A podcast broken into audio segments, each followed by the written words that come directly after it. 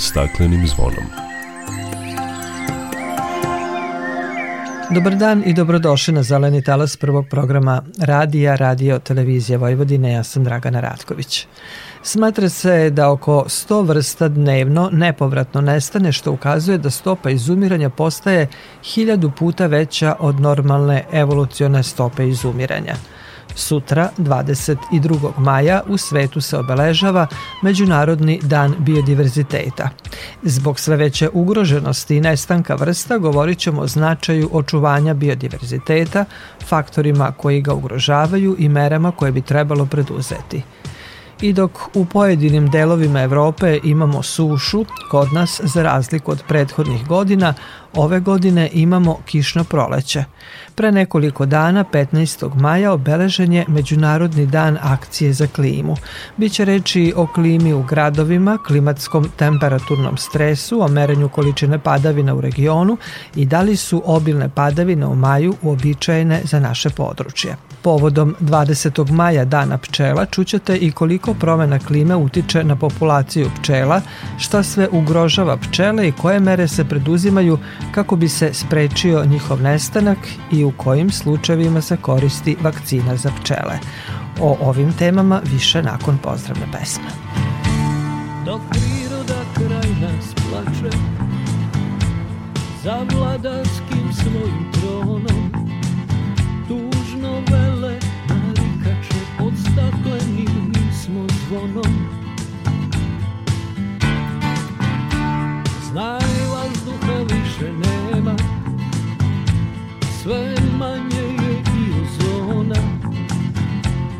Protiv sebe ide čovek i to često Bez pardona.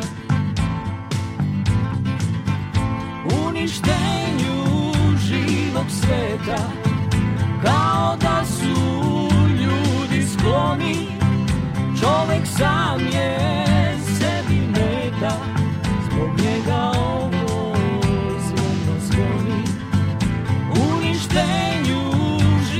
sveta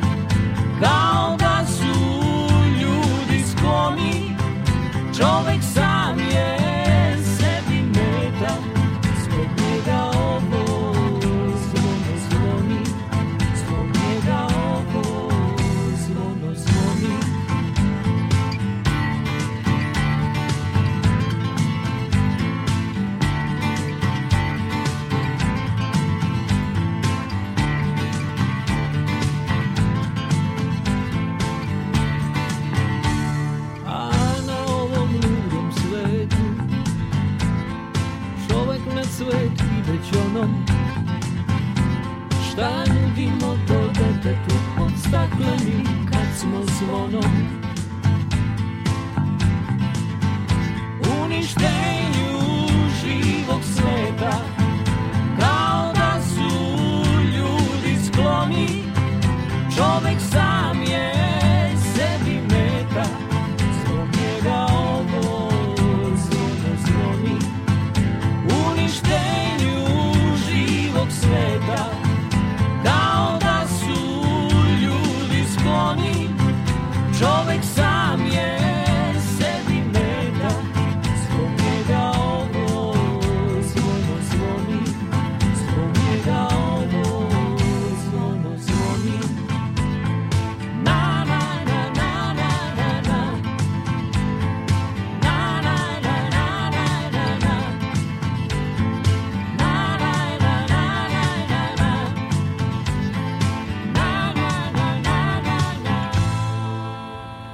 Međunarodni dan biodiverziteta obeležava se 22. maja. Biodiverzitet ili biološka raznovrsnost predstavlja raznovrsnost svih živih bića na planeti i njihovih zajednica, osnov je opstanka naše planete. Zbog sve veće ugroženosti nestanka vrsta, ovo je prilika da ukažemo na značaj očuvanja biodiverziteta i merama koje bi trebalo preduzeti. Tim povodom sa nama je načelnik odeljenja za biodiverzitet u Pokrinjskom zavodu za zaštitu prirode Nikola Stojnić. Nikola, dobrodošli na Talase Radio Novog Sada. Bolje vas našao. Iako se sve više priznaje da je biološka raznolikost globalno bogatstvo od ogromne vrednosti ne samo za nas nego i za buduće generacije. Broj vrsta se iz godine u godinu značajno smanjuje i brzina izumiranja mnogih vrsta se drastično ubrzala poslednjih godina i stručnjaci veruju da se sada odvije najveći proces izumiranja vrsta od nestanka dinosaurusa. Kažu da je stopa izumiranja negde oko 100 vrsta dnevno, što postaje hiljadu puta veća od normalne evolucione stope izumiranja. Ove procene uključuju sve one otkrivene, ali i brojne neotkrivene vrste koje nismo otkrili, nismo upoznali što je još veća šteta. Koji su najčešći e, faktori gubitka biodiverziteta?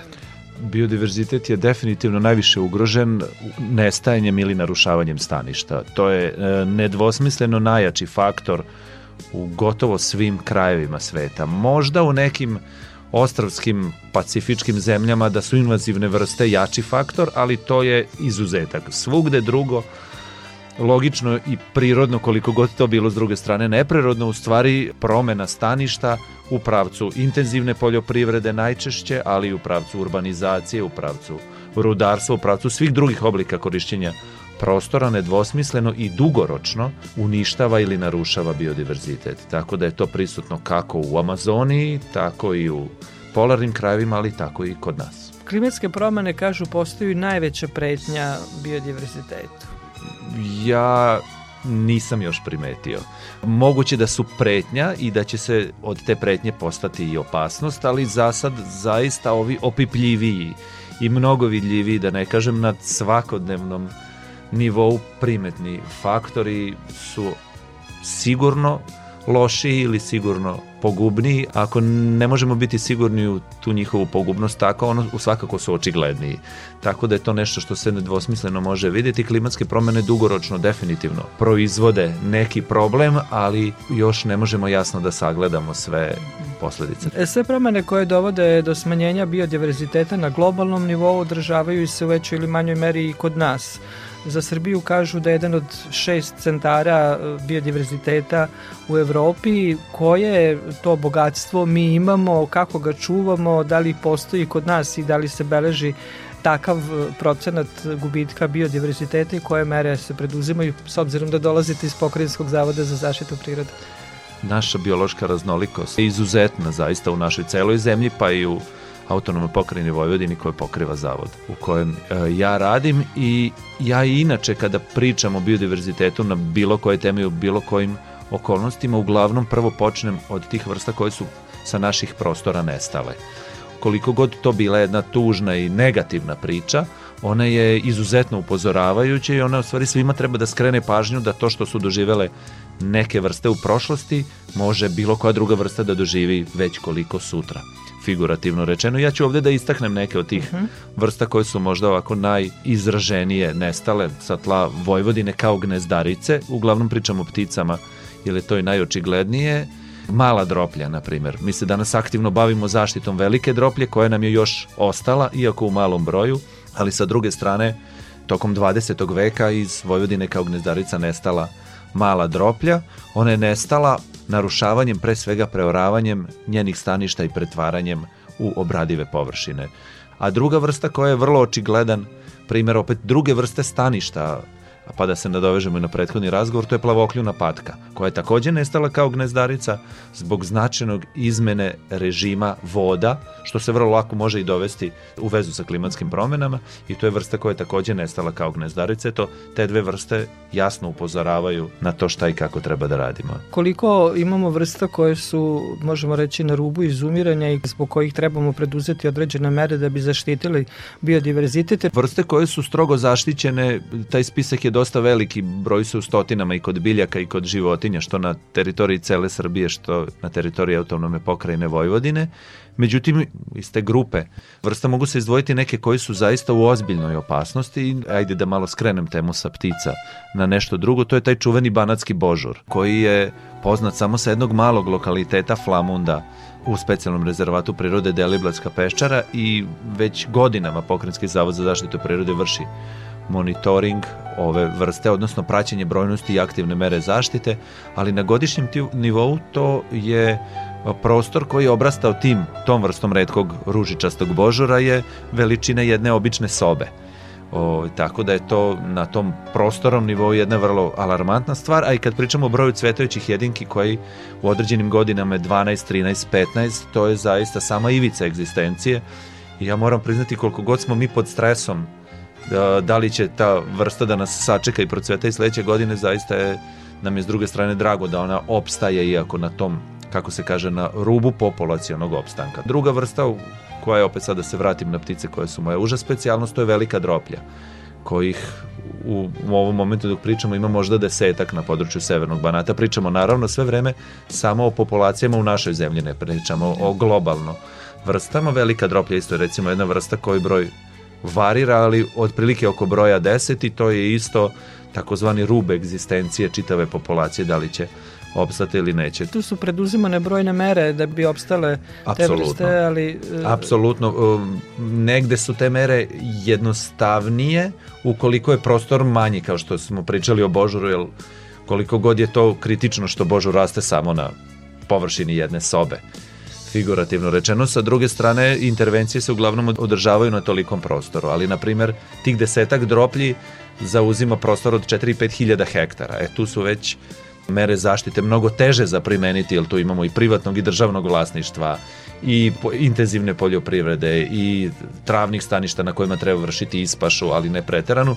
Tu su zaista ozbiljne mere primenjuju i samo od nekim od tih vrsta kada bismo pričali, to je jedan ozbiljan set mera od upravljanja samim staništima, aktivnog čuvanja, u slučaju velike droplje čak preko jednog projekta je napravljena zaštitna ograda koja zauzima površinu od preko 100 hektara, jedan vrlo ozbiljena infrastruktura. Tako da set mera koji se primenjuje je veliki i on može biti, aj sad kad smo već krenuli o merama, on može biti i taj neki generalni, jedno od najvažnijih mera je uspostavljanje zaštićenih područja. I to je sistemski pristup, jer krenuli smo od borbe za prostor, faktički se svi organizmi sa nama bore za prostor, mi uzimamo prostor i koristimo ga kao ljudska vrsta na jedan vrlo intenzivan način, ali onda eto srećom dozvali smo se pameti, pa smo odlučili da pravimo zaštićena područja, odnosno mesta gde ćemo prostor koristiti na jedan razumniji način. I to je najbolji, zaista najbolji mehanizam, kao što je najgori faktor uništavanje prostora, tako i najbolji mehanizam zaštite očuvanje prostora. Set mera je širok i opet vraćamo se na osnovnu reč u našoj temi, odnosno diverzitet, koliko su vrste raznolike, toliko su i raznoliki mehanizmi kojima se mi bavimo. Svaka vrsta zahteva potpuno drugačiji pristup u zaštiti. Očuvanje biodiverziteta postao je globalni problem.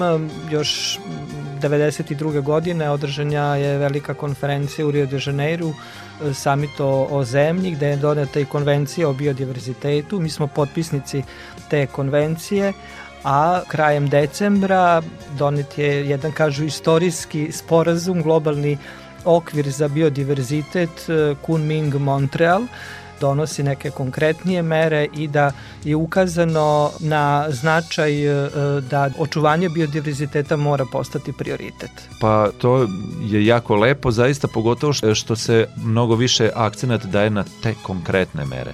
Nije dovoljno samo proglašavati nešto zaštićenim deklarativno, nego je zaista potrebna ozbiljna aktivnost fizička, uglavnom na terenu, bez nje biodiverzitet ne može da preživi. To mi se pogotovo sviđa što je ova godina i, i slogan je tako nekako i formulisan i Od sporazuma do akcije povratak biodiverziteta. Da. E tako, nekako ja sam ga pročitao, ali eto ne i zapamtio. Sviđa mi se i slogan i jako dobro u stvari ukazuje da ne možemo kao što je stara doktrina ili logika zaštite prirode bila da se jednostavno proglase zaštićena područja i da se ona kao takva čuvaju od spoljašnjih utica i da će ona kao takva u sebi sačuvati sav taj biodiverzitet.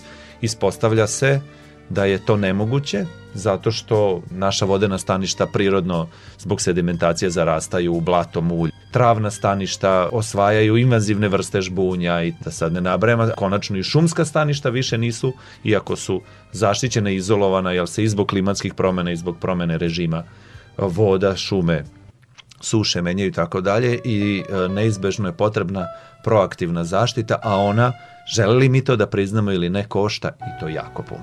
Jedan od najvažnijih e, delova tog e, globalnog sporazuma je povećanje površina pod zaštitom od 17% do 30% tamo gde je biodiverzitet važan i naravno prikupljanje novca upravo ono o, o čemu ste govorili i pomoć siromašnijim zemljama da očuvaju biodiverzitet. Da, definitivno. S jedne strane i dalje se mora raditi na povećanju zaštićenih područja i to je i kod nas apsolutni prioritet i Pokrajinski zavod za zaštitu prirode i dalje intenzivno radi upravo na uspostavljanju novih zaštićenih područja kao i na reviziji nekih već zaštićenih područja, ali uglavnom revizija ide u cilju proširenja. Proširenje površine je ozbiljan zadatak i uopšte nije lak, jer sektor zaštite prirode i zaštite životne sredine tu na neki način mora da se suoči sa drugim sektorima koji takođe imaju određene, da ne budem previše grub, apetite prema prostoru i tu je vrlo teško sporazumeti. Naročito zaštićenim područjima. Pa i čak i u već zaštićenim područjima postoje apetiti, a sada koliko tek ima apetite u nekom području koje nije zaštićeno i koje sad mi kao takvo predlažemo za zaštitu, a tu treba da se usaglasi i šumarstvo kao sektor i vodoprivreda, koji su i dalje sektori koji su više manje upravljanje prirodnim resursima, ali tu imamo i neke sektore u kojima više ne pričamo o prirodi kao što je infrastruktura, kao što je energetika, kao što je rudarstvo. To ne važi samo za našu zemlju, to važi za većinu organizovanih i prostorno već angažovanih zemalja i u susednim zemljama i u Evropskoj uniji i u okruženju, proces uspostavljanja zaštićenog područja vrlo komplikovan.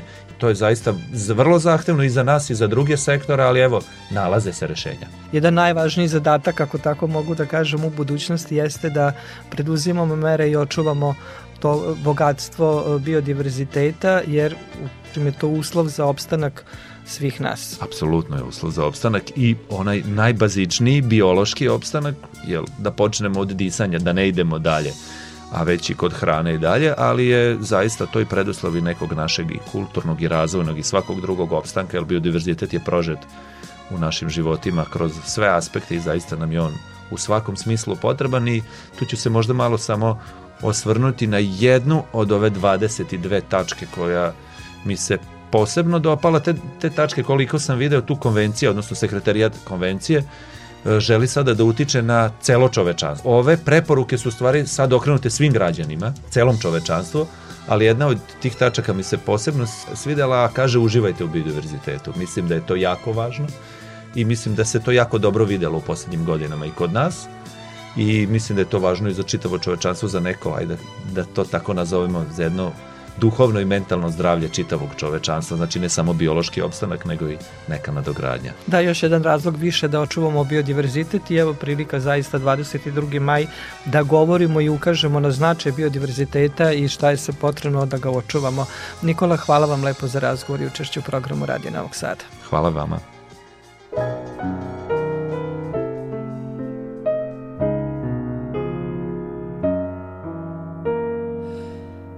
Lost and awaiting my fate, I wander far from your shelter, far from your love. Just like a lark in the midnight hour, the song I'm singing is just a sigh. You're not here, the flowers don't blossom. When you're not here, I'm lost on an ocean. And the night is long and always silent, staring at a star that never shines. When you're not here, seems to matter. All hope is gone when you're not around. Helplessly waiting while my heart is breaking. Everything's blue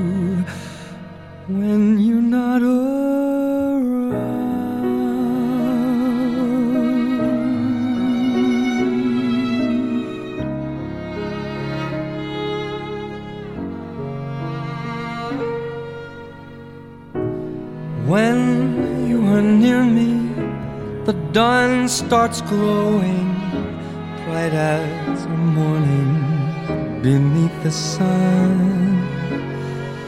Yours is a love that could move a mountain, and life is laughter when you're around. But when you're not here, the flowers don't blossom. When you're not here, I'm lost on an ocean.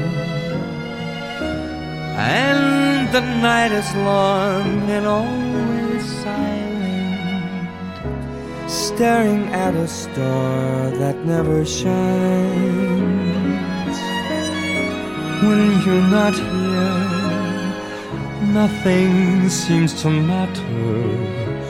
All hope is gone when you're not around. Helplessly waiting while my heart is breaking. Everything's blue when you're not.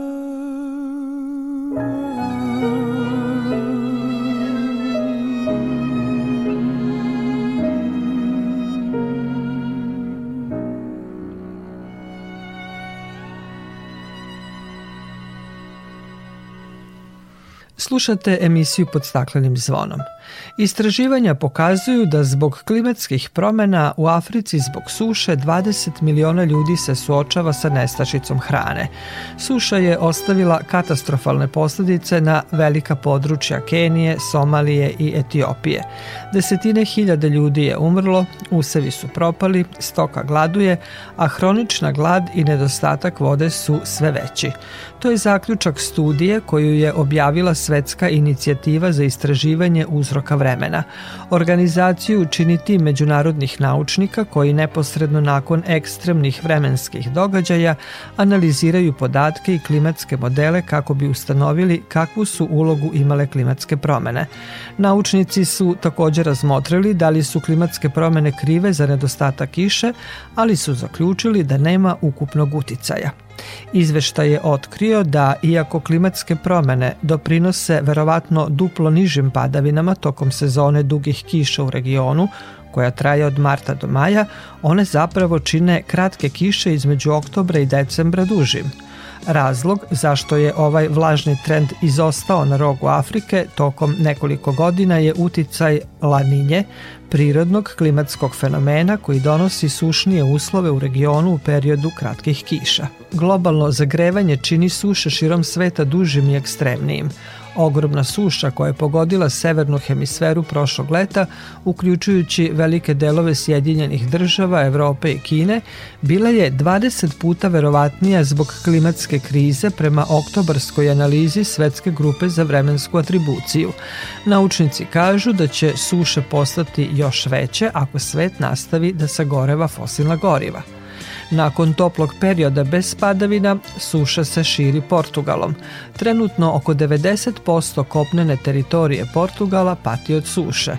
Susedna Španija registrovala je najsušniji početak godine od kada se vodi evidencija sa manje od polovine prosečnih padavina u prva četiri meseca ove godine i dok u pojedinim delovima Evrope imamo sušu, kod nas za razliku od prethodnih godina, ove godine imamo kišno proleće.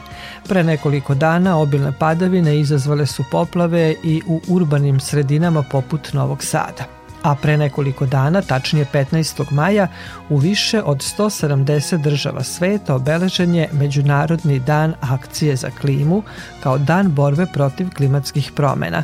Tim povodom o klimi gradova, klimatskom temperaturnom stresu, reprezentativnim mernim stanicama i količini padavina u regionu u toku godine sa profesorom Rastislavom Stojsavljevićem sa Prirodno-matematičkog fakulteta u Novom Sadu razgovarao je kolega Vlado Matijević. Gradove nazivamo urbanim ostavima toplote.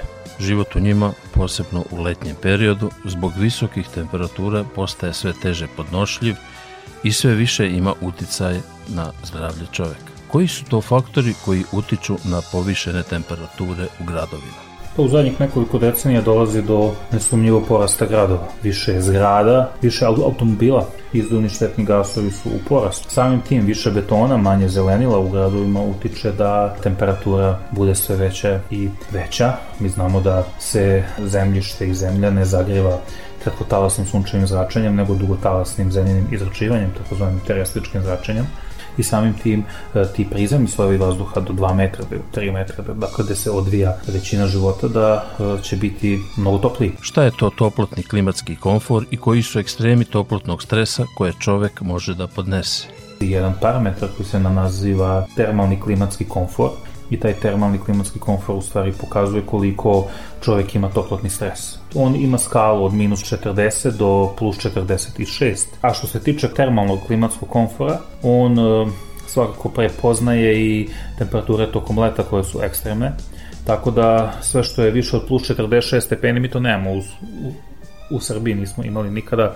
Naj, najviše temperatura je izmerena 2007. u Smederevskoj palanci plus 44,9 stepeni ali dakle možemo reći da od 38 do 46 stepeni to je izuzetno snažan toplotni stres koji čovjek može da doživi, a mi imamo temperature koji gotovo svake godine idu preko 38-39 stepeni. E, između 32 i 38 stepeni je takozvani jak toplotni stres, potom između 26 i 32 stepena može reći da je to umereni toplotni stres, a to zavisi naravno i od važnosti vazduha i nekih drugih parametara. Od 9 e, do 26 stepeni Celzijusa nema termalnog stresa. Od 0 do 9 stepeni imamo može se reći blagi hladni stres. Potom ako je temperatura od 0 do minus 13, to jest od minus 13 do 0, možemo reći da je to umereni hladni stres. Od minus 13 do minus 27 to je izuzetno, to je, aj kažemo, jak hladni stres. Ako te temperatura od minus 27 do minus 40, to je izuzetno jak hladni stres.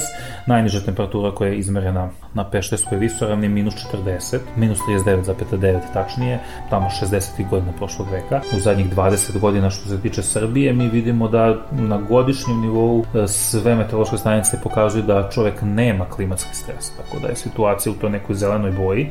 Čime čovek može uticati na snižavanje temperature u gradovima, posebno leti?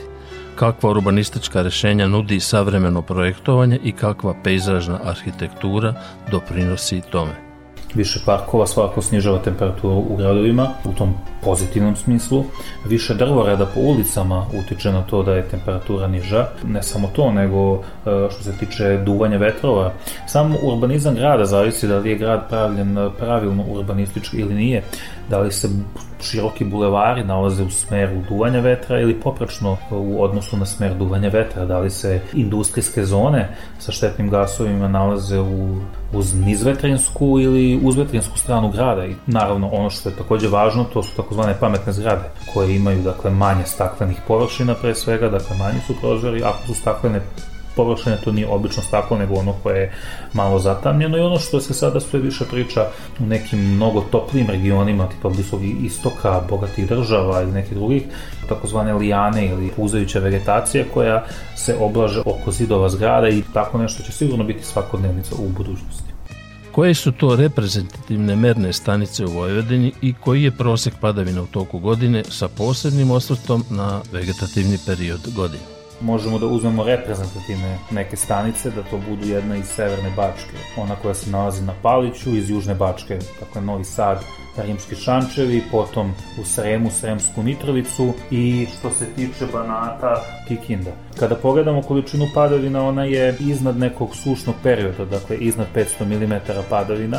Što se tiče Novog Sada, on ima 630 mm padavina godišnje, To je dakle višegodišnji prosek u zadnjih 60 godina. Ono što je takođe važno da u jednom vegetativnom periodu koji je bitan za biljne kulture u Vojvodini, e, okolina Novog Sada prima nekih 45 do 50 procenata padavina u aprilu, maju, junu i julu mesecu, gde u stvari većina biljnih kultura upravo tada izri i može se reći klija u svom nekom reproduktivnom periodu. Ovih dana smo svedoci obilnih padavina koje su u gradu izazvale poplave i saobraćajni kolaps. U ovom periodu godine to nije redkost. Kako se te nagle padavine i vremenske nepogode manifestuju u gradu, a kako u ruralnim regionima? Pa, znači, tu se pre svega misli na, na vremenske nepogode. Kada pogledate mesečne, pa pogotovo godišnje temperature vazduha, oni ne prepoznavaju toliko nepogode, zato što su to lokalne pojave, dakle, pojave lokalnog karaktera i ne traju dugo mogu traju jedno posle podne ili nekad i jedan ceo dan o, i, ili nekad mogu traju svega 15-20 minuta ili sat vremena kao što je na primjer grad da, da pričine velike materijalne štete, a s druge strane to se ne može mnogo reflektovati kada pogledate godišnju količinu padavine. Evo. E, naravno, Što se tiče gradova, tu je pre svega štete na automobilima. Gradovi koji nemaju dobru drenažu, koji nemaju dobru kanalizacijonu mrežu, e, može da dođe do poplavljenih ulica, bulevara i onda otežavaju saobraćaj. Imate spori vožnju to jednostavno utiče, na primjer Novi Sad i Beograd su po tome poznati. Da što se tiče nekih seoskih sredina, naravno, e, grad i ostale nepogode pre svega su štetni za useve i to je interesantno da upravo u vegetacijnom periodu na primjer naša zapadna Srbija je poznata po tome, znači okolina Valjeva, Loznice, Bajne bašte, upravo ti vinogradarski i značajni voćarski regioni. Grad u vegetacionom periodu može da pričini velike materijalne štete zato što je tada atmosfera najnestabilnija. Dakle, dolazi do mešanja hladnog i toplog vazduha, ciklona, anticiklona, visokog i niskog vazdušnog pritiska jednog iznad Ukrajine, drugog Jadranskog mora. I onda kada dolazi do prelaza i promene vazdušnih pritisaka između ta dva vazdušna fronta, utiče da e, dolazi do nepogoda, a to se baš dešava u tom vegetacionom periodu, pre svega maj, jun mesec, inače, naravno naravno jun mesec je naj, i najkišovitiji mesec u, u Srbiji i u Vojvodini i u ostatku zemlje. Hvala vam za razgovor. I u nastavku emisije govorimo o klimi i klimatskim promenama. Čuli ste, jun je najkišovitiji mesec, ali poslednjih godina zbog promene klime maksimum padavina premešta se iz juna u maj.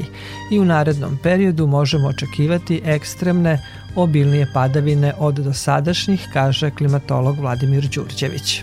Jun je inače u Srbiji mesec sa najvećom količinom padavina. Poslednjih godina se primećuje da zbog promene klime taj maksimum padavina se premešta iz juna u maj, tako da u tom smislu isto mi koji malo više pratimo klimu, da kažem i vreme, ne čudi nas što u maju ima ovako velika količina padavina.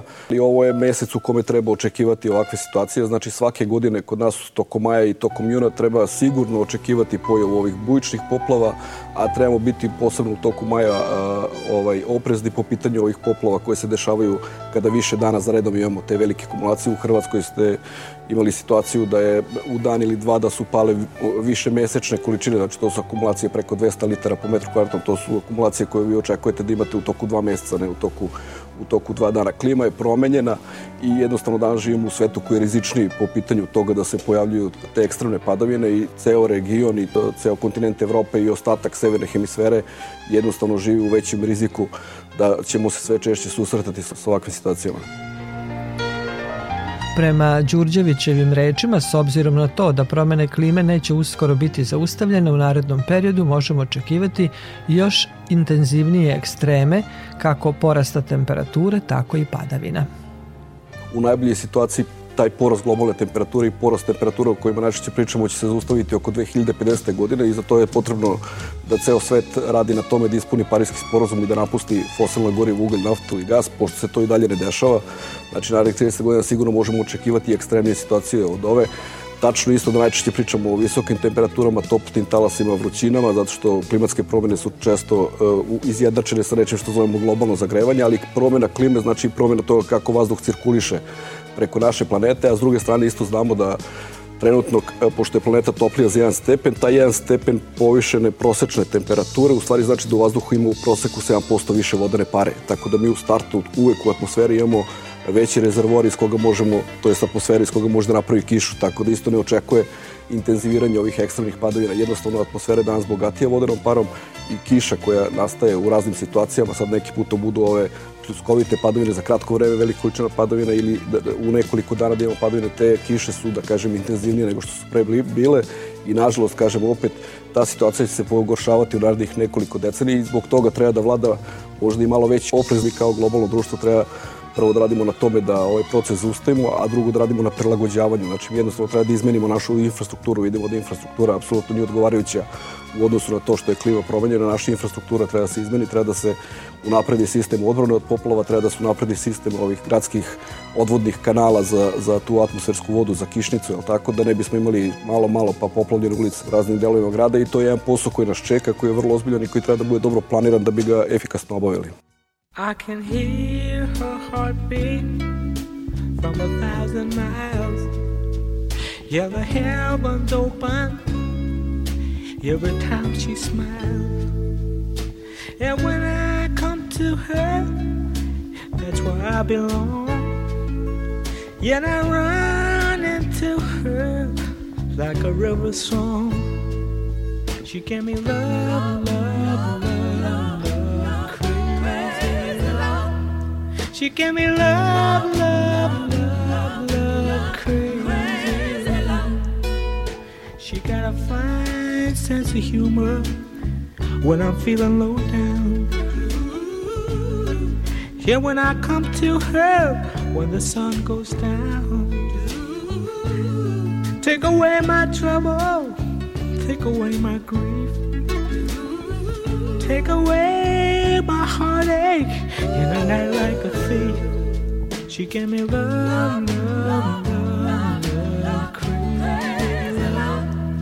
She gave me love, love, love, love, crazy love. Yeah, I need her in the daytime. Yeah, I need her in the night. Yeah, I wanna throw my arms around her and kiss and hug her, kiss and hug her tight. Yeah, when I'm returning from so far away. She gave me some sweet loving, brighten up my day. Yeah, and it make me righteous, yeah, it make me whole. Yeah, it make me mellow down into my soul. She gave me love, love, love, love, She gave me love, love, love, love, crazy. She gave me love, love, love, love, crazy. She gave me love, love, love, love, crazy. Slušate emisiju pod staklenim zvonom. Pčele su sastavni deo ekosistema planete Zemlje milionima godina. Vredno oprašuju biljke i proizvode lekoviti med. Ovi leteći insekti oprašuju više od 80% biljaka koje koristimo u ishrani i od pčela zavisi svaki treći zalogaj hrane koju jedemo. Populacija pčela je u svetu drastično opala usled raznih faktora, među kojima su i klimatske promene.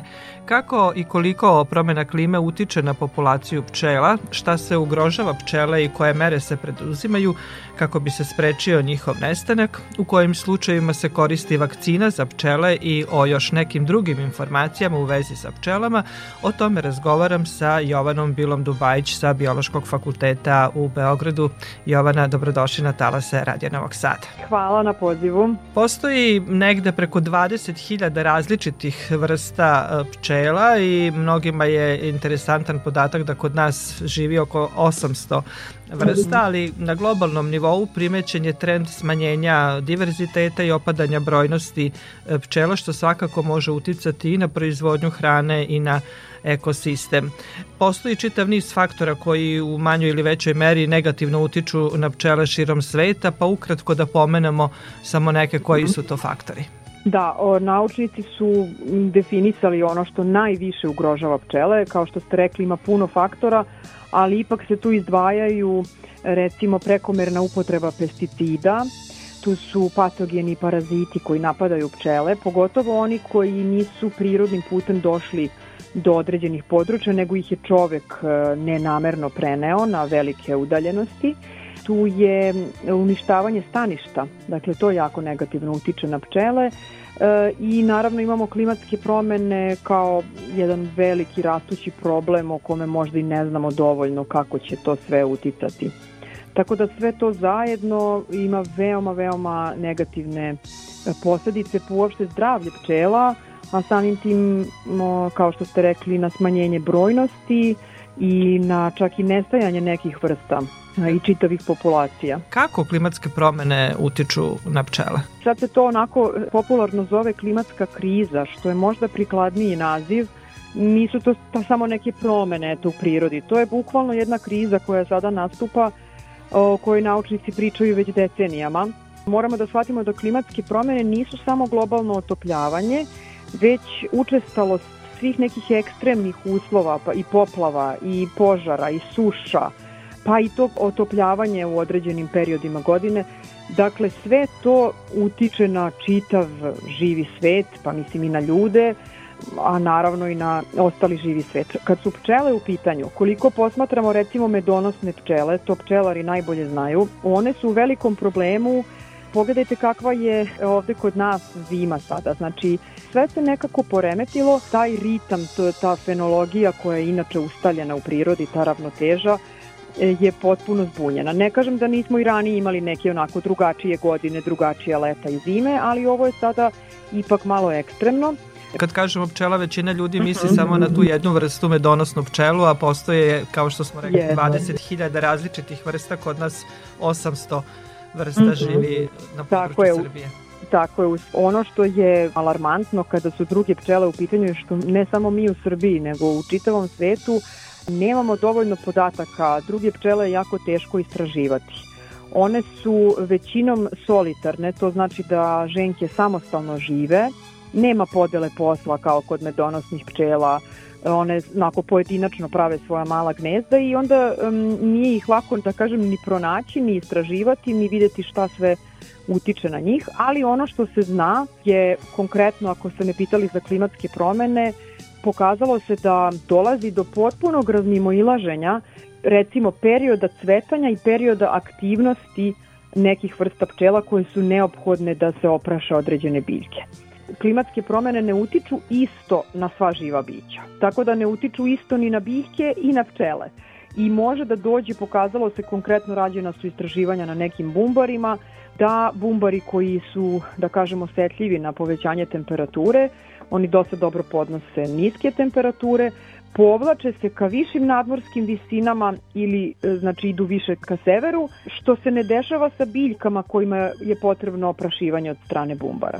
Tako da imate biljku koja da bi se polno razmnožavala očekuje tu vrstu bumbara, a bumbar nije tu, znači on je sada na nekom drugom mestu. Takođe, ne samo to geografsko udaljavanje, nego i ovo što sam pomenula, e, sam period cvetanja i period aktivnosti se razmimo ilazi. Tako da onako poprilično je zbunjujuće kako će to sve da funkcioniše, kako se taj efekt bude pojačavao. Dakle, usled klimatskih promena dolazi do narušavanja te neke uspostavljanja ravnoteže, a kako pomoći pčelama u tim izazovima koje klimatske promene donose? Da, jako je teško običnim ljudima, svima nama koji želimo nešto da uradimo. Ja kada kažem da su klimatske promene najveći problem, prekomerna upotreba pesticida. To onako zvuči da stvarno običan čovek ne može ništa da učini. Međutim, ukoliko se svi fokusiramo da učinimo makar nešto malo, ono što možemo, pčele će svakako imati bolje zdravlje da se suoče sa svim tim izazovima koje su stavljene pred njih Na primer, svako od nas može da sadi što više medonosnih biljaka, pa nije važno da li imamo dvorište neko veliko ili imanje, to, to je najbolje, ali čak i ukoliko imamo jednu terasu ili čak cvetni prozor, verujte da može puno da znači. Zamislite i u gradovima kakva je situacija pa i u poljoprivrednim predelima. Poljoprivredni predeli sada se sastoji od nekih ogromnih monokultura, to su ogromna prostranstva pod samo jednom istom biljkom, To za pčele znači jednoličnu ishranu i eto ukoliko možda utičemo i na poljoprivrednike da oni vode računa o tim ivicama svojih polja, da puste neku spontanu vegetaciju, to su te cvetne margine koje mogu da se uspostave, koje mno, mogu mnogo da znače pčelama. Opet da se vratim na, na obične ljude, cvetni prozor, cvetni balkon, dvorište, neki prostor između zgrada koji možda imate priliku da uredite, sasvim je u redu da pustimo maslačak, belu detelinu, crvenu detelinu, mrtvu koprivu, znači to su sve biljke koje su nativne za naše prostore, medonosne su i veoma su otporne na sve uslove koji se ovde javljaju. Tako da to je onako prvo nešto što svako od nas može da uradi, jer samim ti obezbedit ćemo to stanište koje fali pčelama. U, u momentu kada one imaju dovoljno hrane, znači dovoljno cveća tokom celog vegetativnog perioda, one onda imaju i bolji imunitet, što je ta hrana raznovrsnija i samim tim uh, mogu bolje da se, da kažem, suoče sa svim ovim problemima. Pomenuli ste imunitet pčela, zdravlje pčela, a kako bi se zaustavio pomor pčela koji imaju ključnu ulogu, kao što smo rekli, u oprašivanju mhm. biljaka u ekosistemu, Ministarstvo poljoprivrede Sjedinjenih američkih država odobrilo je korišćenje prve vakcine za pčele u svetu koje bi trebalo da ih zaštiti od bolesti koje mogu da opustoše kolonije, kažu za samo nekoliko nedelja. O kakvoj e, vrsti vakcine se radi i koliko takva vrsta intervencije može pomoći pčelama? Da, baš je zanimljivo to kad se pojavila ta vest, e, onako kad kažemo vakcina, zamišljamo neki špric, pa onda je jako čudno kad kažemo da se vakcina primenjuje na na nekom insektu. E, radi se u stvari o oralnoj vakcini, dakle, da kažem, pčele koje se tretiraju ovom vakcinom u stvari pojedu, to je matica se hrani mešavinom vakcine i, i hrane koju ona jede i jedan deo završava u njenim jajnicima, nakon čega sva jaja koja ona položi su imuna. Konkretno se radi o zaštiti protiv samo jedne vrste bolesti koja stvarno stvara velike probleme širom sveta. Naš prevod je, čini mi se, američka kuga legla, tako se zove. Bolest koju izaziva jedna bakterija. I pazite, ranije, ukoliko dođe do infekcije kolonije, postojale su neki antibiotici koji su mogli, ali to je jako teško i jako zamorno. Na kraju, um, da se ne bi ta bolest širila, pčelari su morali da spaljuju čitave košnice. To je bio jedini način.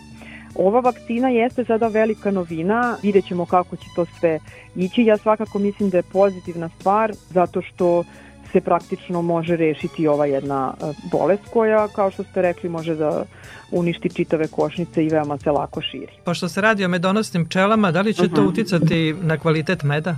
da vam kažem, medonosne pčele su fenomenalno u tom smislu da šta god da im se desi, znači ako su izloženi i teškim metalima i pesticidima, one to sve zadrže u svom telu, radilice to sve zadrže u svom telu i med je gotovo uvek dobar, čak i u nekim zagađenim sredinama, gotovo uvek dobar.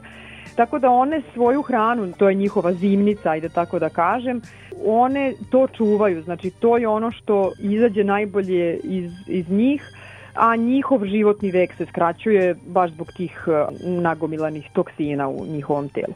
Tako da i ova bolest koja ih je napadala nije uticala na kvalitet meda, ali prosto e, pčelari su bili u velikom problemu jer meda nema kad su pčele bolesne, al tako? Znači nije uticalo na kvalitet, već jednostavno su gubili veliki procenat društava zbog ove bolesti. Da, ova vakcina se odnosi samo na medonosne pčele.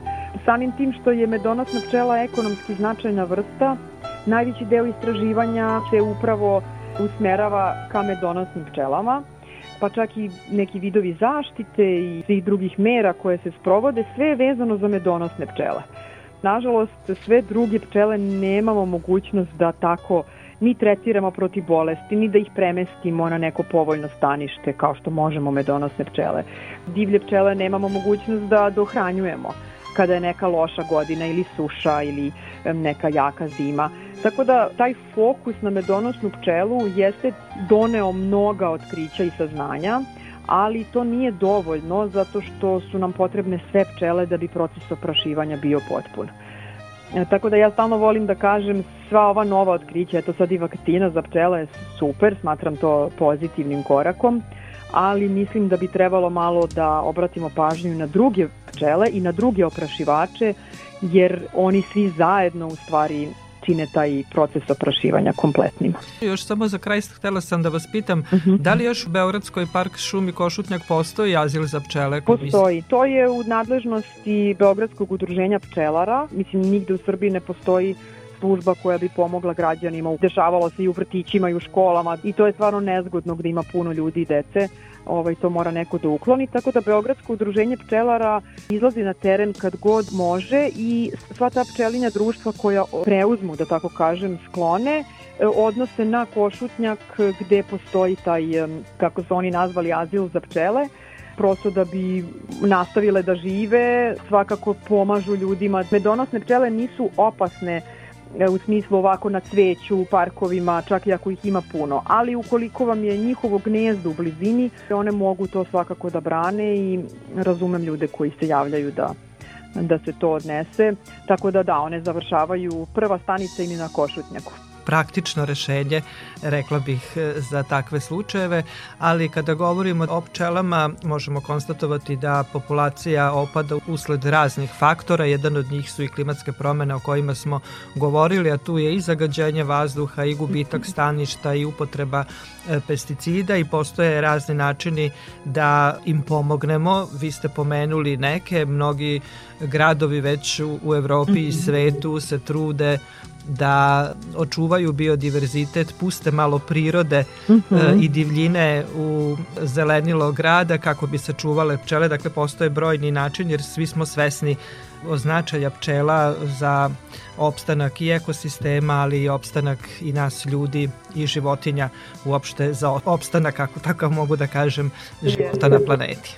Da, dok ste ovako kao malu rekapitulaciju govorili, setila sam se da nisam rekla još jednu stvar koju svi možemo da uradimo, a to je smanjenje intenziteta košenja zelenih površina. Ne samo da ćemo pomoći pčelama na taj način, već i jedna od mera borba protiv klimatskih e, promena je upravo to da pustimo zelenilo, da pustimo prirodu da umanji te efekte. Znači jedna zelena zdrava površina može da smanji i nivo prašine, nivo buke, da upije veliku količinu padavina, da smanji te ekstremne promene u temperaturi koje recimo srećemo u gradovima tokom letnjih meseci. E, dakle, budite lenji baštovani, nemojte kositi često, nemojte kositi na veoma nisku. Biljke kada su tako posečene na nisko, one onda brže rastu. Sa druge strane, nisko pokošeni travnjaci su veoma osetljivi na intenzivne padavine, na gaženje, znači želimo da kreiramo te neke zdrave, samoodržive zelene površine o kojima neće biti potrebno puno brige, a opet moći ćemo da ih, da ih koristimo. Dakle, ne morate kositi celu površinu odjednom, nego ostavite neke delove nepokošenim i na taj način svi insekti koji su korisni i pčele koje se hrane nektarom cveća će preći na te delove koji nisu pokošeni, a vi možete koristiti ove pokošene delove i tako na izmeničnim košenjem obogaćujete i zemljište i, i kreirate tako jednu površinu koja će raditi za sve nas, znači u toj borbi protiv klimatskih promena. Jovana, hvala vam lepo e, za razgovor i učešću u programu Radio Novog Sada i na ovim korisnim savetima kako da očuvamo populacije pčela i smanjimo njihov pomor i izumiranje jer znamo koliko su nam važne. Hvala.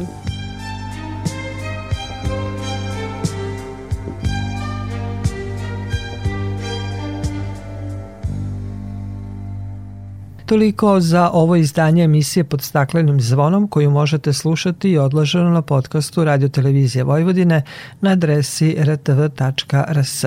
Emisiju su realizovali Sabina Nedić, Maja Tomas i Dragana Ratković. Sledeći susret zakazujemo za sedam dana u isto vreme na zelenom talasu prvog programa radija Radio Televizije Vojvodine.